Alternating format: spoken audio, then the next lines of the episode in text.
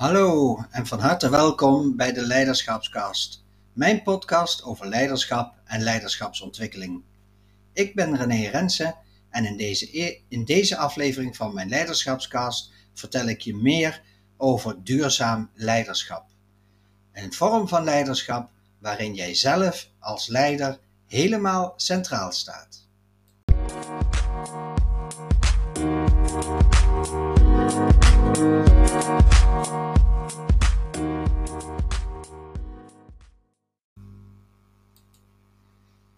Omdat leiding geven vooral leuk is. Ik geloof heilig in de uitspraak: je kunt pas leiding geven aan anderen als je leiding kunt geven aan jezelf. Leiderschap begint voor mij bij het echt kennen van jezelf. Wie ben je als mens en wie ben je als leider? Weten waar je talenten zitten, maar ook weten op welke gebieden je nog tekort komt en waar dus ontwikkeling mogelijk is. Duurzaam leiderschap gaat uit van het echt kennen van jezelf. Want als jij jezelf kent, dan kun je werken vanuit focus, verbinding en vertrouwen. Dan geef je je intuïtie ruimte om onderdeel te zijn van je mens zijn en van je leiderschap. Met mijn online trainingen train ik leidinggeven in het onderwijs om meer vanuit de gedachte achter duurzaam leiderschap te werken. Om focus, verbinding, vertrouwen en intuïtie een plaats te geven in je dagelijks handelen. Als jij duurzaam leiding geeft, dan herken en erken jij jezelf als mens en als leider, zodat anderen zich ontwikkelen door wie jij bent. Via mijn blogs en via mijn social media deel ik tips en inspiratie rondom duurzaam leiderschap.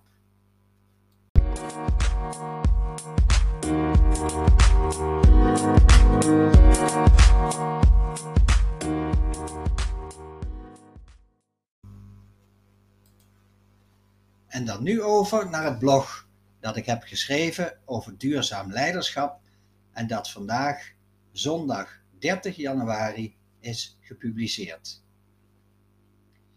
Misschien heb jij ook wel de laatste gegevens gelezen die gaan over de stand van zaken van de schoolleiders in Nederland. Dan is het je vast ook opgevallen dat er steeds minder mensen de ambitie hebben om schoolleider te zijn. Dat betekent dat het tekort aan schoolleiders overal in het land alleen maar toeneemt. Ruim duizend scholen hebben op dit moment geen directeur. Dat zijn er best veel.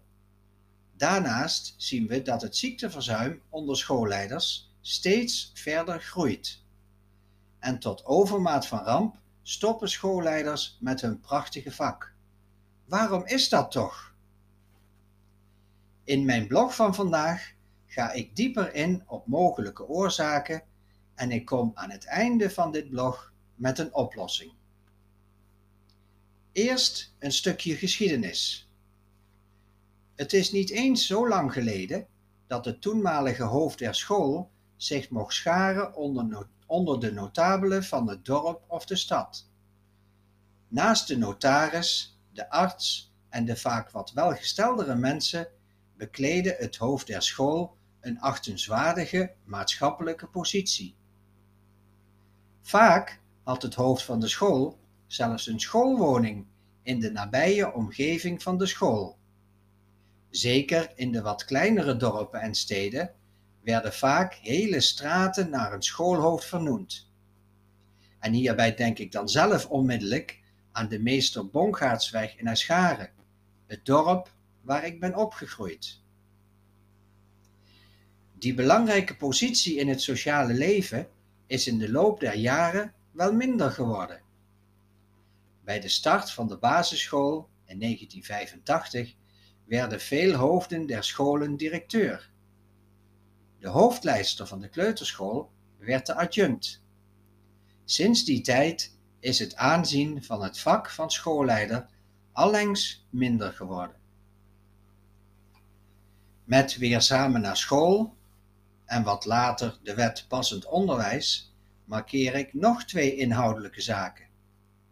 zaken die wat mij betreft veel invloed hebben gehad op de ontwikkeling van het vak van schoolleider in de loop der jaren.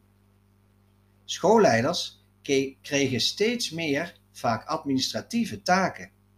En ze gingen zich tegelijkertijd steeds minder bezighouden met de ontwikkeling van het onderwijs op hun school. Andere oorzaken. Zelf startte ik in 1993 met mijn eerste schoolleidersfunctie. Als ik dan vanuit het nu kritisch terugkijk op die bijna 30 jaar schoolleider zijn, dan springen mij de volgende zaken in het oog. De grotere rol van de waan van de dag, een steeds meer toenemende werkdruk en stress, minder tijd en ruimte om bezig te zijn met onderwijsinhoud en als laatste de hoeveelheid tijd die gaat naar administratieve, vaak randzaken. Stuk voor stuk zijn dit oorzaken die van invloed zijn op de inhoud en daarmee op de aantrekkelijkheid van het vak van schoolleider. Ook zie ik in mijn praktijk dat veel schoolleiders echt worstelen met deze vier zaken. Soms zodanig worstelen dat ze zich afvragen wat hun toegevoegde waarde nog is voor hun school en voor het onderwijs. Vervolgens komen ze dan op het punt om het bijltje erbij neer te gooien. Is het dan alleen maar kommer en kwel? Nee, gelukkig niet.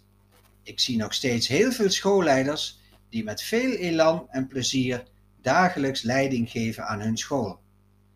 Die schoolleiders spreek ik ook en mag ik verder helpen in hun ontwikkeling. Toch rappen ook deze schoolleiders met enige regelmaat over de vier gememoreerde punten. Alleen lijkt het wel of zij in staat zijn om zich er beter tegen te wapenen. Waardoor komt dat dan?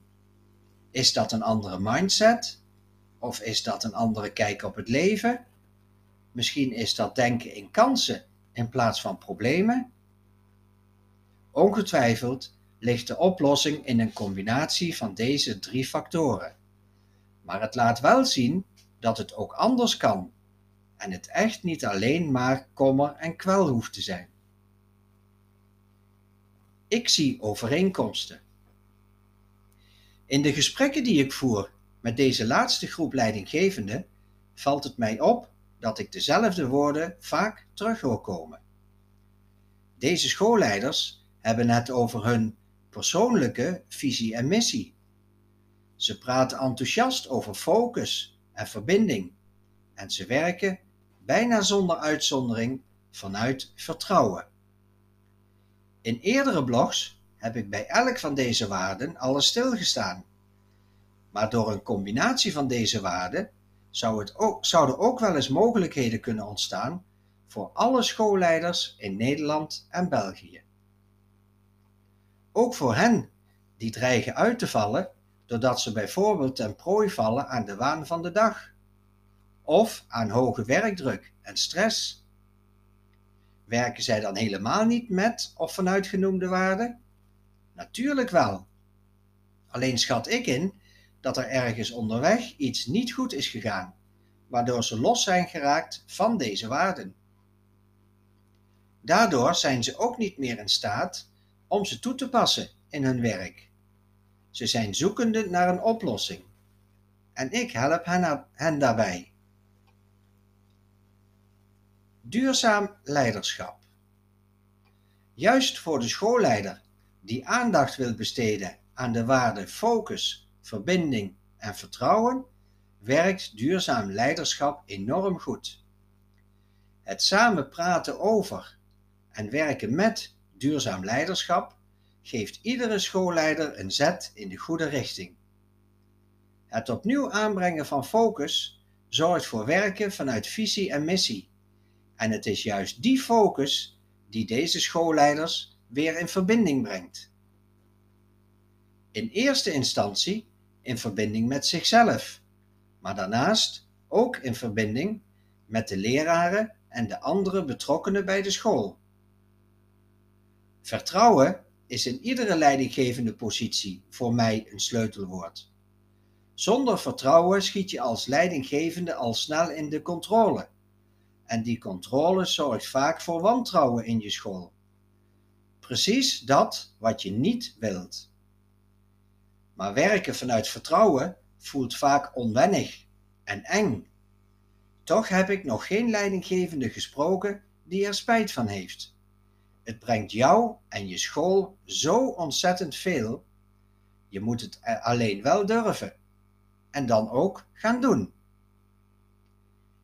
Ik nodig je van harte uit om kennis te maken met het concept van duurzaam leiderschap, omdat ik zie dat schoolleiders die werken vanuit dit concept veel minder last hebben van de waan van de dag, minder last van werkdruk en stress en, veel en met veel meer plezier en voldoening halen uit hun leiderschap. En zo hoort het ook. Omdat leiding geven vooral leuk is.